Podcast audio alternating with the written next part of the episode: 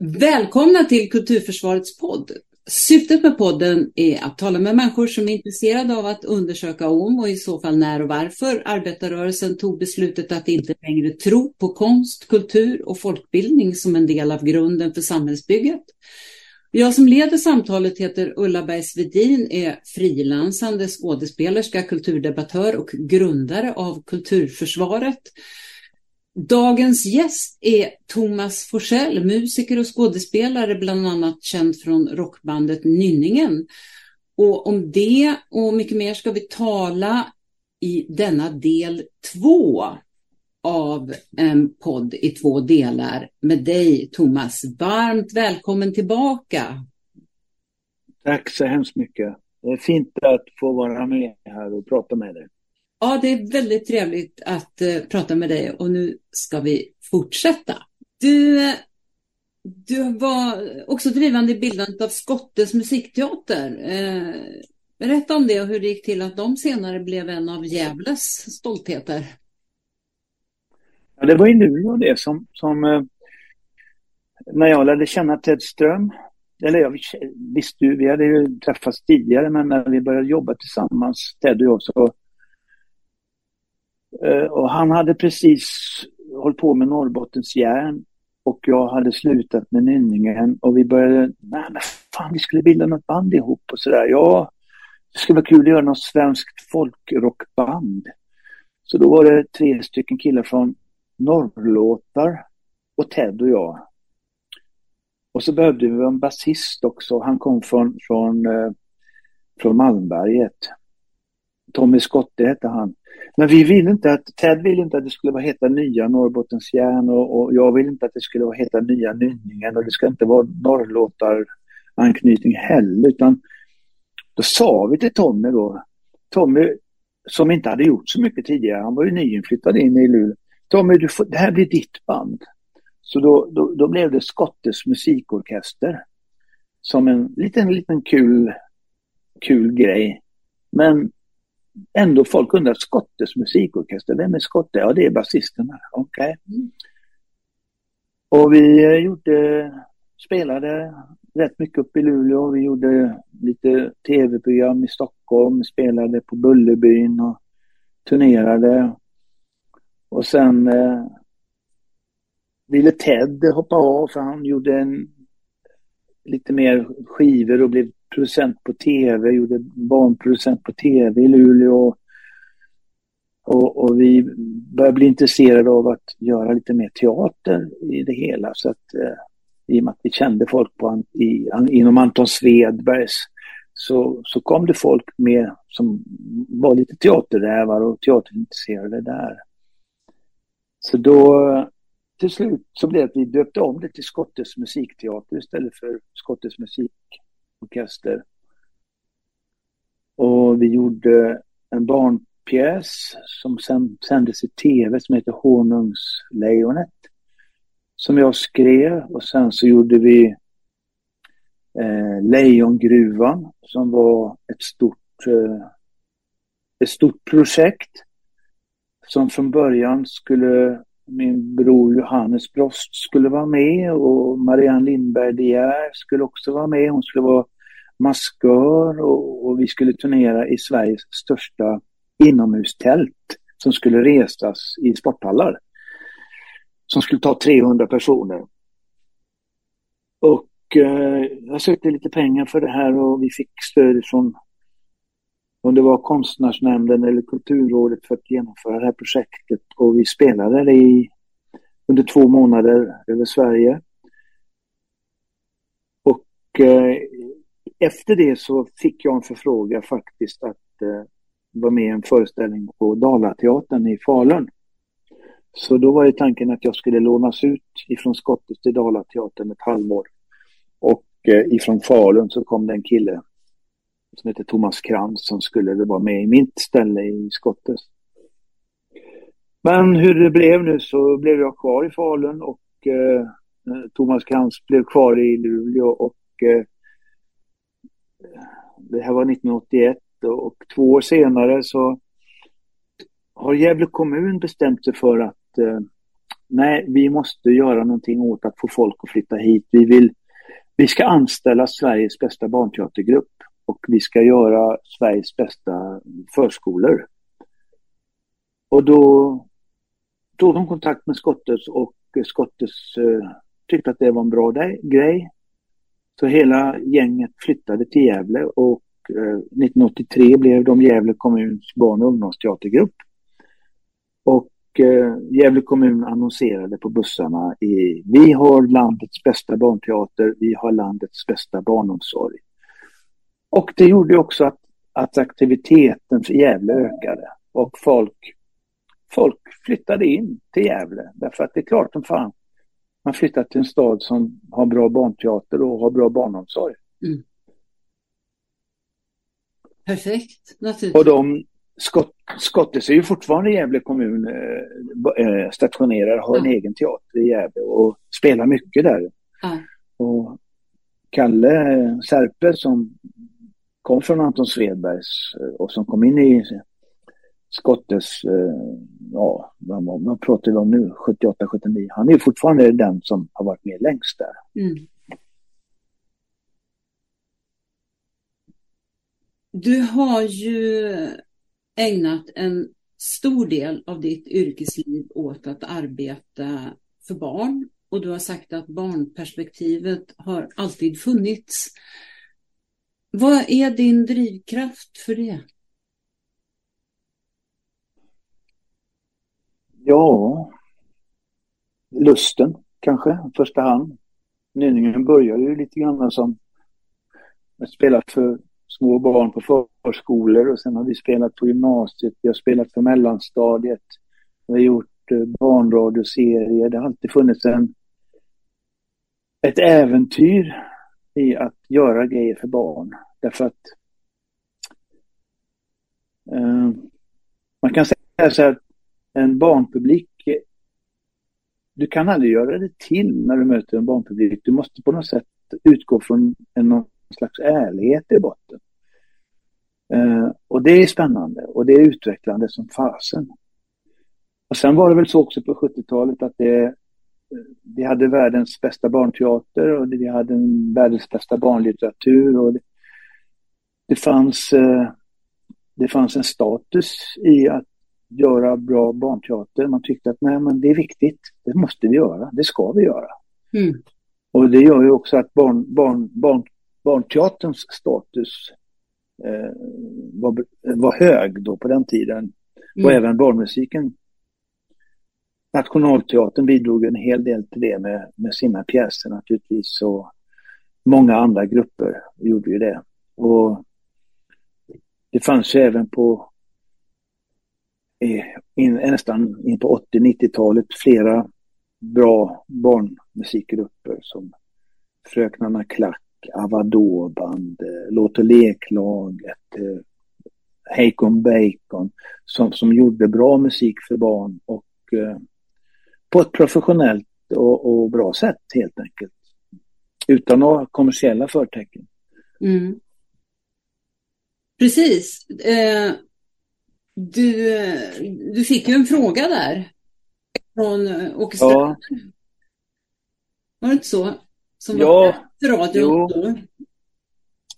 Ja, men precis. När jag kom till Falun så, så fick Åke, Åke Strömmer var ju då den här vet, snabbpratande sportjournalisten som eh, fanns på radion. Han var också chef för Riksradion i, i Falun och han fick veta att jag hade gjort eh, jobbat med barnradio i Luleå.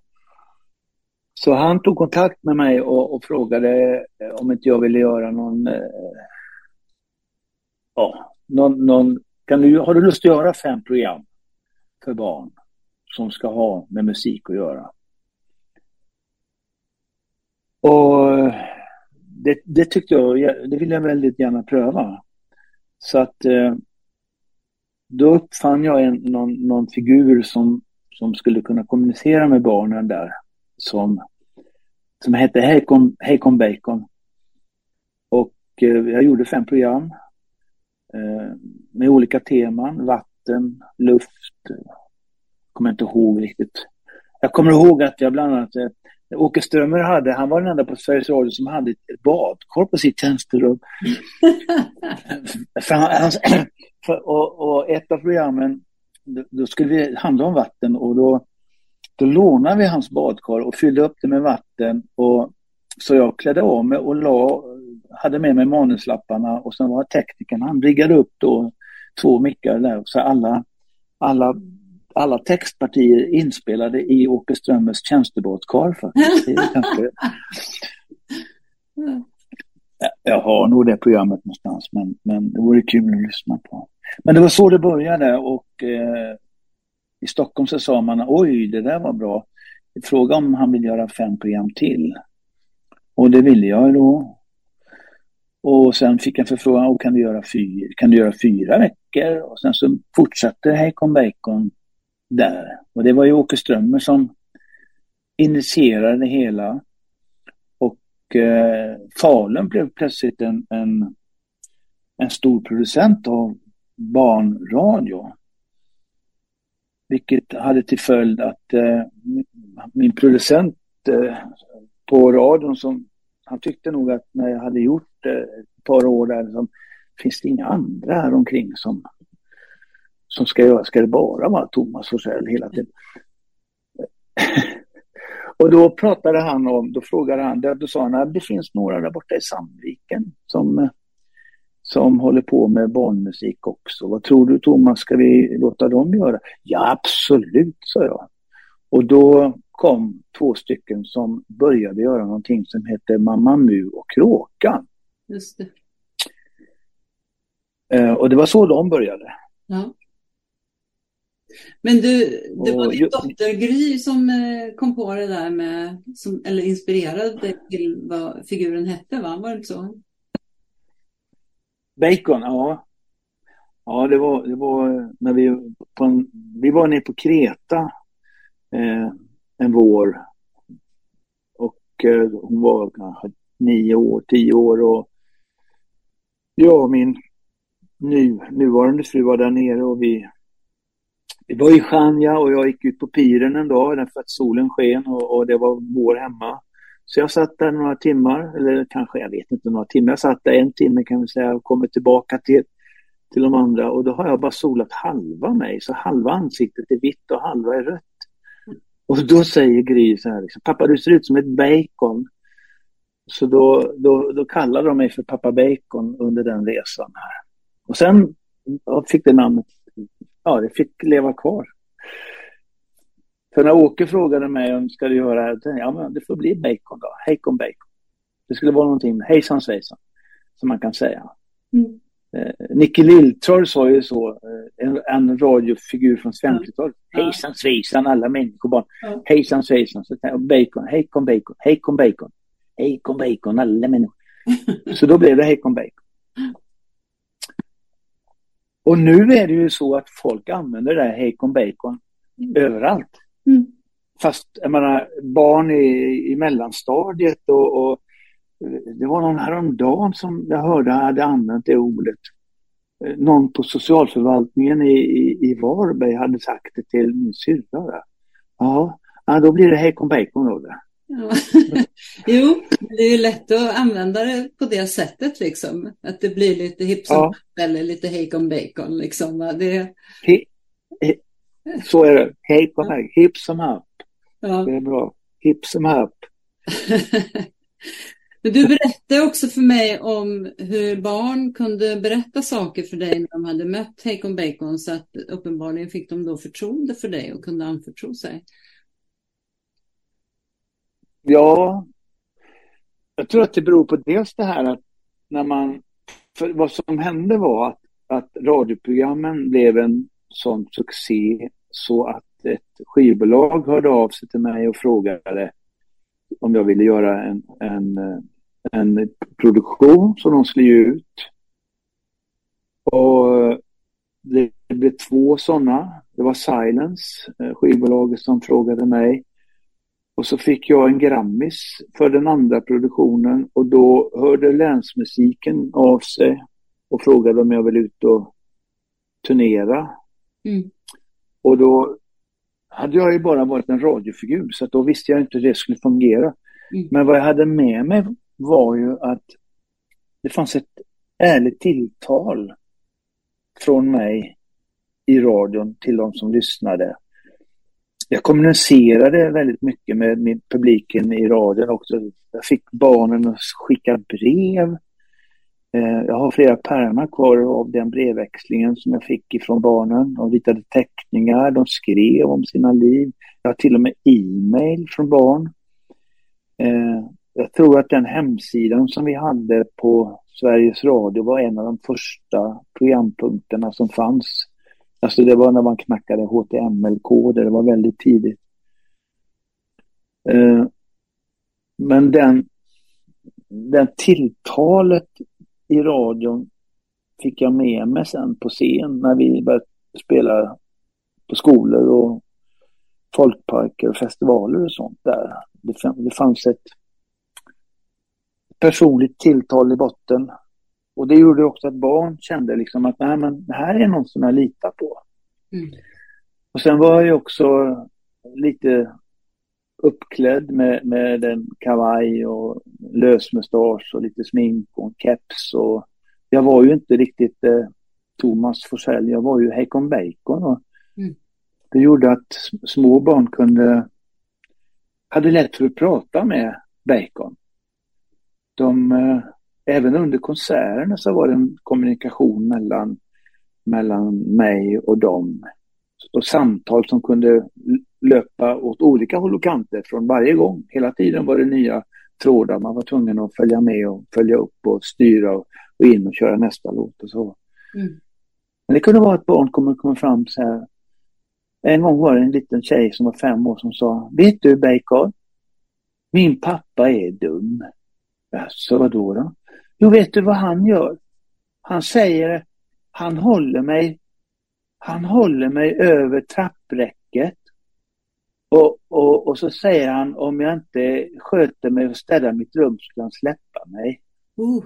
Vad, vad, vad, säger du, säger jag. Och, ja, men så får man inte säga. Och så börjar ett, ett sånt samtal va. Nej, det menar hon då, så får man inte göra. Ja, men det måste du ju prata med din pappa om. Ja. Och en annan gång var det en kille som sa så här. Vet du Bacon? Jag satt på en förskola vid ett bord i en paus och jag och en liten kille sitter och tecknar. Och så säger han, vet du Bacon, min pappa, min mamma tycker inte om min pappa. Alltså, nej. Varför då? Nej, jag, jag brukar skriva brev till min pappa. Men min mamma hon lägger dem i en byrålåda, skickar inte iväg dem. Mm. Varför, varför gör hon inte det då? Nej, ja, det var en skilsmässogrej då. Va? Mm. Pappan bodde på annat ställe. Och sånt där, när man får höra det från barn direkt, då tänker man shit, vad de, vilka hemligheter de har, vad de får utstå många barn. Och att det saknas och, och som, att prata med. Absolut. Och, och, och som artist undrar man då, vem, vänta nu, vem ska jag prata med här? Mm. Ska, jag, ska jag prata med någon, någon, någon förskolelärare eller? Nej, det kan jag inte göra för det här blir ju, ja. det är ju en förtroendesamtal. Ja. Va? Det är ungefär som en, en, en, en bikt. Va? Mm. När någon i förtroende berättar om någonting. Vad jag kan göra är bara att vara mottagare och försöka.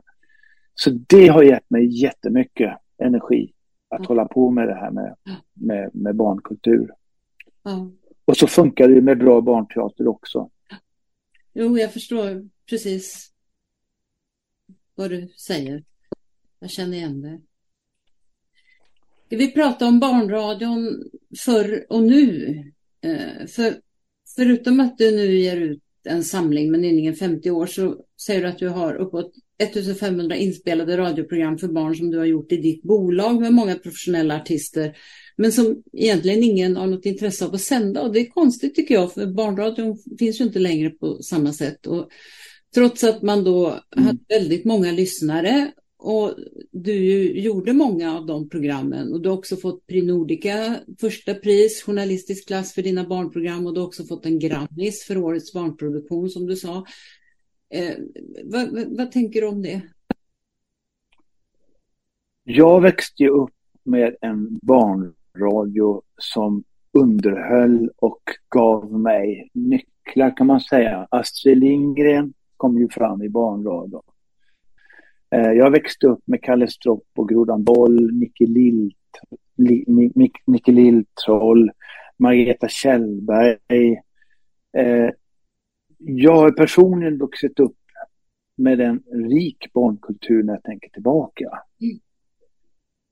Och, och, att vara en barnradioproducent, för jag var barnradioproducent många år ända fram till 2005 när man förändrade på Sveriges Radio eh, och la över det på digitalt efter ett antal pinsamma år. Från början var, hette det Småbarnskvarten mm. och det var 15 minuter och det gick på morgonen och det gick på repris på eftermiddagen. Och det var någonting som barn och vuxna tillsammans kunde sitta och lyssna till. Sen eh, när man fick, eh, vi fick eh, kanaldelningen och vi fick reklamradion så började 15 minuter vara lite för långt format sa man därför att det var kanalstopper. Man sänkte det till 10 minuter. Och även 10 minuter var för långt och man tog bort reprisen. Och sen blev det fem minuter, fem minuters barnradio. Och jag vet att en period så hade, skulle vi göra tre minuters barnradio. Men då var det för många som protesterade så då blev det fem igen. Och när jag säger vi, då menar jag en redaktion i Göteborg, en redaktion i Örebro, en redaktion i Luleå och, och så redaktionen i Kalmar som, som jag var med tillsammans med min kompis Niklas och drev.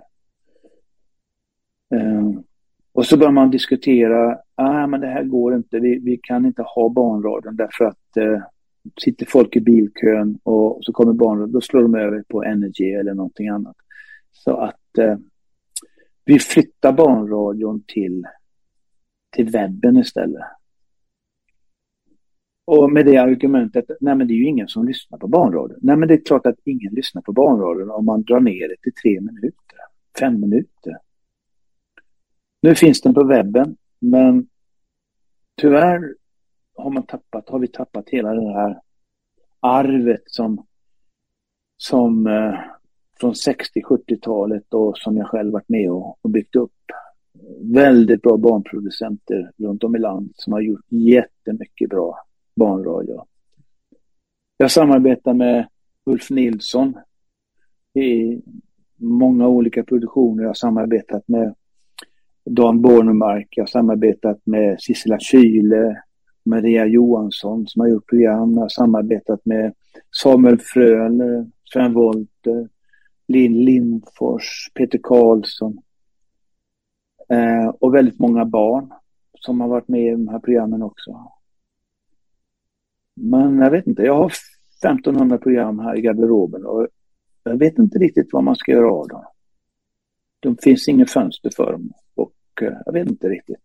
Jag tycker det är synd. Jag tycker att eh, vi borde vi, vi, borde få tillbaka det är så lätt bara sätta en unge framför eh, en, en betal-tv-kanal eller en radiopodd och inte Det är liksom, radion har blivit någon slags barnvakt istället för någonting man delar tillsammans. Det tycker jag är jättesynd.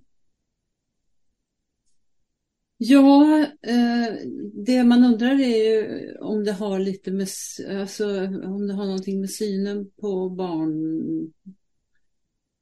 att göra och barns behov för att det är ju, det, det känns inte riktigt som att barns behov eh, beaktas eh, eh, också i debatten kring, eh, man, pratar, man, man pratar om barn och unga idag, pratas det väldigt mycket tillrättavisningar och hårda straff och inte så mycket ut, med mm. utgångspunkt från deras grundläggande behov. Eh. Nej, det är sant som du säger. Jag upplevde ju också, eller vi, vi upplevde också bandet att vi, vi turnerade med Hekon Bacon i många år mm. eh, från bildandet och vi upptäckte också att, att plötsligt började hända saker med, med, eh, med eh, barnen. De som, ibland kunde man köra vissa låtar kunde man köra till och med för en fjärde klass. Mm. Men plötsligt så upptäcker man att den här, nej, den här fjärde klassen, de lyssnar inte på den musiken, de lyssnar på en mer vuxen musik. Och sen så plötsligt var det ner i tredje klass och sen var det nere på första klassen. Eh, jag upplevde liksom att det var en period där, där, där, barnen i skolan drevs in i en vuxenvärld ganska, ganska anmärkningsvärt och, och det gick ganska fort. Va? Där små barn har vuxenkläder, du vet tvådelade kläder, tjejerna har topp och sånt där. Va? Det finns ingen, ingen, den där perioden då man är barn och ska vara barn, den blir eh, tajtare och tajtare och trängre och trängre. Och jag förstår att unga människor idag känner sig otroligt stressade av vuxensamhället som, som pressar på och det ställs otroliga krav. Mm. Och, och det, det, det märkliga är ju också att samtidigt har ju vuxenkulturen förändrats. Mm. Från att det har varit, som jag tycker, en, en ganska tänkande Eh, om man tittar på utbudet i tv till exempel så har det varit väldigt bra utvecklande program i tv. Men så plötsligt så blir det som att vuxna människor sitter och tittar på barnprogram. Där andra vuxna leker. Ja. Man, sitter, man åker runt och gör sig till och det ska tävlas och det ska... Du vet, det, det finns ju inga program idag, eller nu låter jag väldigt gammal va? men det finns väldigt få program som, som har ett vettigt innehåll idag. Utan där, där blir de vuxna allt barnsligare och barnsligare och barnen ska bli vuxnare och vuxnare. Det är som ett, upp och ner samhälle va? Ja, det är en intressant iakttagelse tycker jag. det är konstigt. Och vad jag känner mig gammal. nej, men, nej, men det är väl kanske det här just behovet, alltså det, det här utrymmet för den lekande människan som kanske inte nödvändigtvis behöver vara att, att, att, att sitta i sin soffa och titta på kända människor som leker. men, men, men, men eh, jag, jag, tänker ändå på just som du säger då eh, att det var att det hade status på 70-talet att, eh, att göra konst och kultur för barn. Och det fanns ju någonting där i tron på konst och kultur och folkbildning som en, en del av grunden för samhällsbygget. Och det är ju min grundfråga mm. i, i de här samtalen. Och, och det, det, det fanns ju fortfarande den inriktningen med 74 års kulturpolitiska program. Hur, hur ser mm. du på den utveckling eller snarare avveckling som har skett sedan dess? Och du har ju redan varit inne på det, men vill du utveckla mm. ytterligare? Nej, men jag tycker att det är en vettig fråga och, eh, och jag har funderat mycket på, på var, var finns de var finns de visionerna om en levande kultur någonstans? idag. Man pratar mycket om kulturskolans eh, att, det, att den måste finnas kvar och stödet till kulturskolan är viktigt och det håller jag med om. Det, det, det är jättebra att man gör men det är också ett lätt sätt att på något sätt lägga över allting på kulturskolan. Eh, jag har varit inne idag och läst lite grann på vad Vänsterpartiet har att säga om kultur i sitt partiprogram. Mm. Och det enda jag kan läsa där är just stödet till eh, biblioteken eh, och eh, eh, kulturskolan, kulturskolorna mm. och till eh, språk, språkutbildning. Men det finns liksom ingenting som handlar om det fria kulturlivet, som handlar om, om den fria konsten, hur man kan stötta eh, eh sådana som mig. Mm. Det vill säga frilansare, konstnärer, eh, poeter, eh, musiker, skådespelare. Det enda jag hittade på Vänsterpartiets hemsida det var en, en motion som eh, eh, lades 1900, nej Nej, 2019. 1936. Nej, 20, Jonas Sjöstedt och några till skrev en grej 2019, en motion till riksdagen som heter Kultur i hela landet som är väldigt bra. Mm. Uh, och där skriver de om det fria kulturlivet så här. Vi har en rik flora av fria professionella grupper i landet. Det gäller inom alla scenkonstområden. Det, de är av stor betydelse för ett vitalt och utmanande kulturliv. De har i olika grad tillgång till de regionala institutionerna och stöd från de regionala kulturkonsulenterna.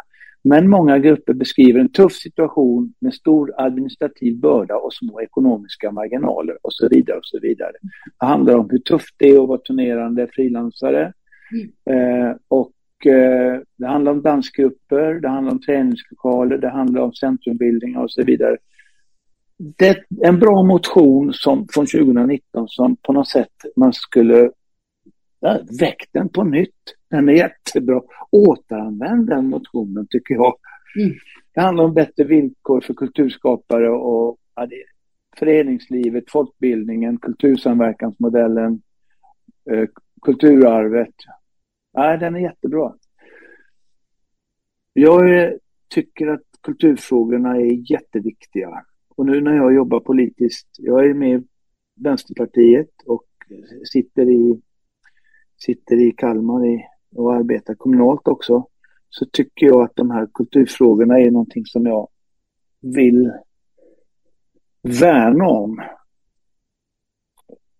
Till exempel Eh, när vi pratar om att göra en kommun attraktiv så handlar det inte bara om att få dit så att säga eh, konserter till sporthallar med band ifrån Stockholm eller evenemang på stan i, med, i samverkan med kommersiella radiostationer så bara för att det är någonting som folk går på. Utan det handlar om att, att försöka ta tag i det lokala kulturlivet och stötta det och låta det på något sätt vara grunden i den kultur den, den luft som människorna i en kommun andas tillsammans. För det är ju det som är kultur. Det mellanrum som finns mellan oss i våran kommun. Uh, och det, det, det är det som är, man får, vad är, vad är, är en fotbollsmatch kultur eller är det, vad är det? Nej, det är ju inte det, fast det heter kultur och fritid det, kultur är ju någonting annat. Och de frågorna är skitviktiga att försöka fundera över och också lyfta fram, känner jag. Det brinner jag för nu. Ja, och eh, sen det, det, finns ju också ett dribblande med siffror nu, tänker jag, för att människor ser, jaha minsann, titta så mycket pengar som går till kultur. Och, och, mm. och de tittar så bra de har det, de här som sysslar med kultur. Men, men det är ju, det, det stämmer ju inte. Jag läste bara nu eh, eh, Nationalmuseum i Stockholm som ju renoverades under fem års tid. Jag menar, det är ju, man måste ju underhålla den typen av byggnader om de inte ska förfalla helt mm. och hållet. Och det är klart att man tycker att det är förfärliga pengar som går till det. Men sen då läser man att ja, staten staten ger då ett anslag, men staten tar tillbaka halva det anslaget i hyra till en statlig myndighet som hyr ut lokalerna. Mm. Mm. Eh, men, men det, det vet inte allmänheten. Och så är det med väldigt stora delar av hela kultursverige att, eh, att hyran, eh, i och med att det nu ska vara marknadshyra på allting, och det drabbar ju även hela det fria kulturlivet som får minimala anslag och eh, ska betala marknadshyra. Mm. Plus att alla kostnader ja. för allting ökar, transporter till exempel om man ska turnera, Eh, tekniska inköp och så vidare. Och man måste ju naturligtvis betala löner för att många tror, tror jag, att de som är fria professionella grupper är några amatörer som egentligen inte ska ha betalt. Utan eh, och att de inte har utbildning och så vidare. För det, det är någon slags föreställning man har. Eh, vi har ju, vi har ju våran SD-politiker här som säger att ja, det finns ingen mänsklig rättighet att spela gitarr och få betalt för det om, in, om ingen vill lyssna. Det är liksom den Nej. standardfrasen. Ja, Sverigedemokraterna har ett livsfarligt resonemang nu när man pratar om att eh, den statligt understödda kulturen eh, har man rätt att, att kunna peta i och ha åsikter om. Och det som inte bär sig, det har inte rätt att finnas på något sätt. Va? Eh, Musikerförbundet har höjt sina minitariffer nu till 5 500 kronor per medlem. Eh, och kommer vi sex personer med Nynningen, det innebär att vi har, vad blir det, 33 000 i grundgage. Mm. Och sen ska vi ha resor på det. Mm. Och sen ska vi ha hotell på det. Mm. Då är man uppe i 40 000 lite drygt. Och det är få arrangörer idag som kan betala 40 000. Eh, spelställen har definitivt inte råd. Det är möjligtvis eh, st större ställen som, som har råd att, att, betala så mycket. Mm. Och tittar man på teaterföreställningar så hade inte staten gått in och, och, och på olika sätt stött eh, Riksteaterföreningarna, subventionerat, så skulle de inte haft råd att ta teaterföreställningar. För teaterföreställningarna skulle varit asdyra med alla människor som ska vara med i en föreställning. Och självklart så finns det en, eh, en, en skyldighet ifrån staten att stötta riksteaterföreningarna runt om i landet. Självklart finns det en skyldighet från staten att stötta kulturarbetare som jobbar professionellt med musik eller konst eller vad tusan det är. Mm. Och ingen jävla politiker ska gå in och säga det här innehållet tycker jag inte om. Nej.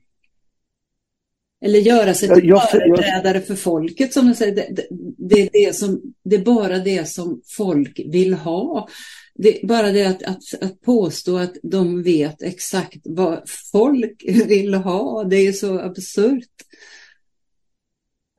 De som säger sånt här, de, de, är för, de, de, de förstår sig inte på vad, hur kulturen ser ut, vad, hur kulturen är uppbyggd. Nej. Vilka... För det, det egentligen är det grund, det finns en väldigt, kan man säga, det finns någon slags flummig dimension också av att vara kulturarbetare. Vad håller ni på med? När vi utforskar drömmarna eller vi, vi arbetar med fantasin eller eh, ja men det kan man väl inte göra, det kan man inte jobba med. Ja, det finns en, en, en bra bok Får jag rekommendera en bra bok? Absolut. Som heter Den otyglade skönheten av Stefan eh, Jonsson. Ja. Han skriver bland annat om, om det här. Han skriver om, han kallar, om någonting han kallar för möjlighetssinnet. Som är ett tomrum, en urholkad sänka genom vilket samhället och världen rinner fram. Mm. I det här tomrummet finns fantasins kammare, drömmarnas rum, inbildningens område, begärets spelplats. Och han pratar om, om det här som uppstår mellan människor som är intressant. Det här, det som, det som, eh, det som gör oss till, till eh, levande människor är ju de tankar och så som man har. Va? Mm. Det man pratar om, de värderingar man har. Mm. Och om inte samhället på något sätt ger ger möjligheten för bland annat oss kulturarbetare att få arbeta fritt och, och med stöd så, så kommer ju samhället på något sätt trycka på människorna sin syn på livet. Och det är det som Sverigedemokraterna vill göra nu. De, de, det är deras värderingar som ska ut nu. Det är deras sätt att se på, på, på eh, mångkultur och, och på, på genustänk som ska ut. Det, jag tycker den här boken har gett mig så mycket. Mm. Och, och eh, det kan jag verkligen varmt rekommendera. Den otyglade skönheten, fem saker konsten vet om demokratin. Mm. Jo, men för att det är ju, det är ju inte så att, att, bara för att vi sysslar med just de där delarna så är ju inte vi, vi är inte världs, det är inte vi som är världsfrånvända. Vi, vi vrider och vänder dagligen på just eh, vad det är att vara människa och det är väl ändå det som politiken borde handla om också, tänker jag. Absolut, precis. Eh, om, vi ska, om det ska leda till att vi ska leva i ett, ett, ett, ett människovärdigt samhälle. Men jag tänker också apropå folkbildning. Du har ju också varit ansvarig för en tvåårig förberedande utbildning för scenkonst på Ölands folkhögskola. Berätta om det arbetet och vad det gav dig. Jag fick erbjudande när jag slutade på radion att eh, bli kursledare och lärare på skolan och ta hand om den teaterutbildningen, musikteaterutbildning. Eh, så har det gett mig jättemycket lärdomar och det var ett fantastiskt eh, arbete. Att jobba med 20 människor varje år som kommer från hela Sverige med sina drömmar och tillsammans bilda den här klassen som, som re, gör den här resan tillsammans under ett år där, där var, varje, varje individ får växa på sitt ställe och i sin takt. På folkhögskola är det högt i tak. Eh, människor kommer med olika arv, olika kappsäckar som man bär med sig. Det kan vara otrygghet, det kan vara konkurrens, det kan vara familjeslitningar, men det som genomsyrar alla det är ju att göra en resa, en, en gemensam teaterresa under ett år, på samma sätt som när jag gick i Skara på Skara skolscen. Och det är skitviktigt att folkhögskolorna har den här höga takutrymmet och att de estetiska ämnena som nu på Öland här, Ölands folkhögskola, att, att de får vara kvar och, och få stöd. Mm.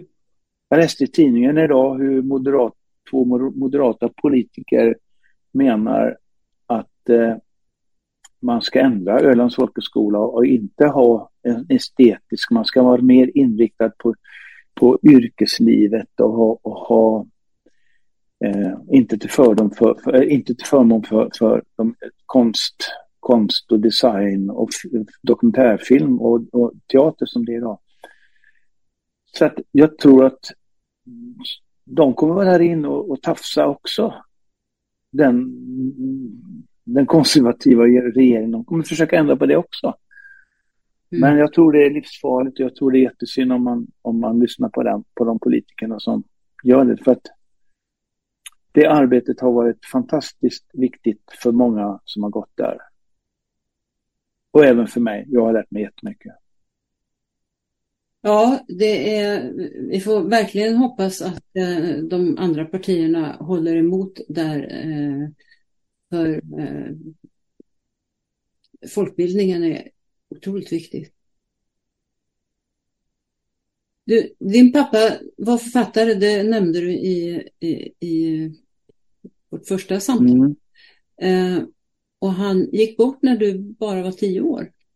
Eh, och du mm. forskar kan man väl säga nu i hans liv via hans böcker. Och det finns även en hel del efterlämnade brev. Och jag tänker att det är en gåva att ha så mycket att kunna läsa för att förstå. Men du är lite kluven till detta har jag förstått. Ska, ska du göra en bok av det?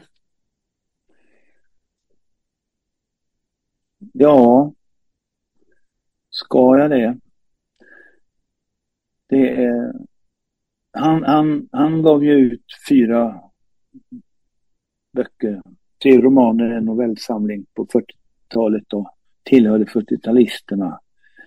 Eh, han heter Sven Forsell och han skrev även för skrev väldigt mycket noveller i massa olika tidningar Och var journalist bland annat på Göteborgs-Posten och tidningen C.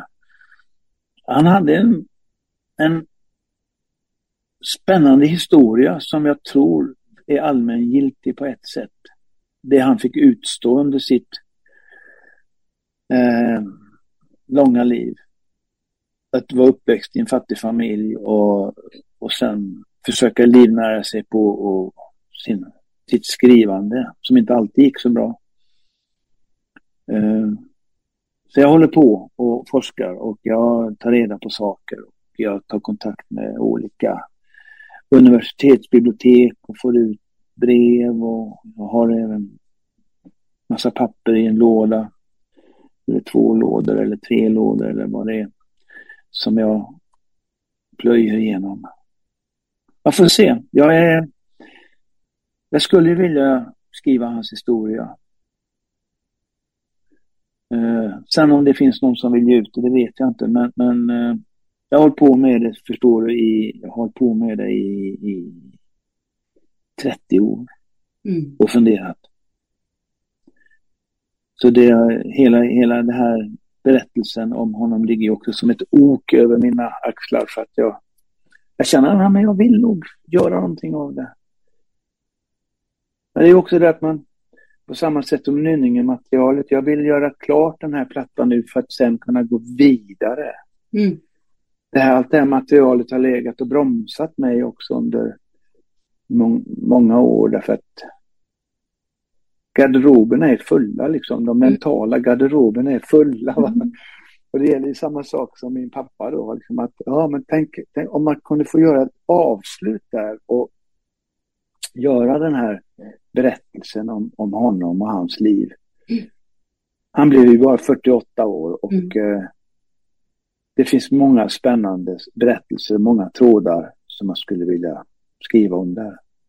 Mm. Men vi får se, vi får se. Mm. Jag har en avslutande fråga. Tror du att det är mm. möjligt att få till ett, eh, ett samtal eh, med politiker och från press och media och så vidare ett, ett, ett pågående samtal om huruvida konstkultur och folkbildning faktiskt fortfarande håller som ett av fundamenten för ett gott samhälle. För det var ju trots allt en viktig ingrediens i ett av världens mest framgångsrika recept för att ta ett land från extrem fattigdom till att bli ett av världens rikaste och mest jämlika länder. Mm. Ja, men det tror jag ju i och med att jag har valt att jobba politiskt. Mm så, så, så, så, tror jag ju det. Eh, jag, eh, skulle jag inte tro på det, då skulle jag på något sätt eh, ha gett upp i det hela. Eh, jag sitter på två stolar känner jag. Jag sitter både som kulturarbetare och artist och ute och spelar och, och eh, så sitter jag och funderar över de här frågorna och försöker påverka.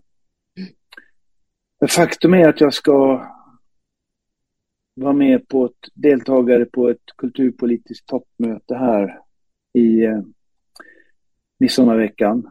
Mm. Eh, ett två dagars möte där jag ska träffa eh, folk, eh, kulturministern och, och an, många andra från hela Sydsverige som håller på med kultur. Och jag ska sitta med i ett samtal där också, ett scensamtal med representanter från de olika partierna bland annat eh, Amanda Lind då, som vår tidigare kulturminister mm. som representerar Miljöpartiet och jag ska sitta för Vänsterpartiet. Och, och, och, där, där hoppas jag att ett sådant samtal kan pågå. Att det kan, för det är ju de frågorna som det handlar om det här när, när Sverigedemokraterna går ut och pratar om hur de vill styra och, och förbjuda saker. Mm. Eh, när man vill styra kulturen. Eh, för att vill man det, då tar man ju död på kulturen menar jag. Och då kommer man inte få ett gott samhälle, man kommer att få ett, eh, ett trängre samhälle. Mm. Vi kommer att få ett annat Sverige framöver som på något sätt jag tror inte att jag vill ha det. jag vill, jag vill, jag, det känns så. Jag vill ha ett öppnare, öppnare, levande samhälle där människor slutar vara rädda för varandra. Mm. Där man börjar lyssna på varandra. Och där man tar vara på det goda samtalet. Vi måste sluta låta oss förföras av, av kommersiell kultur och, och sånt där som fördummar oss. Vi måste på något sätt lära oss hur vi tar oss själva i örat. Åh, oh, vad jag känner mig gammal.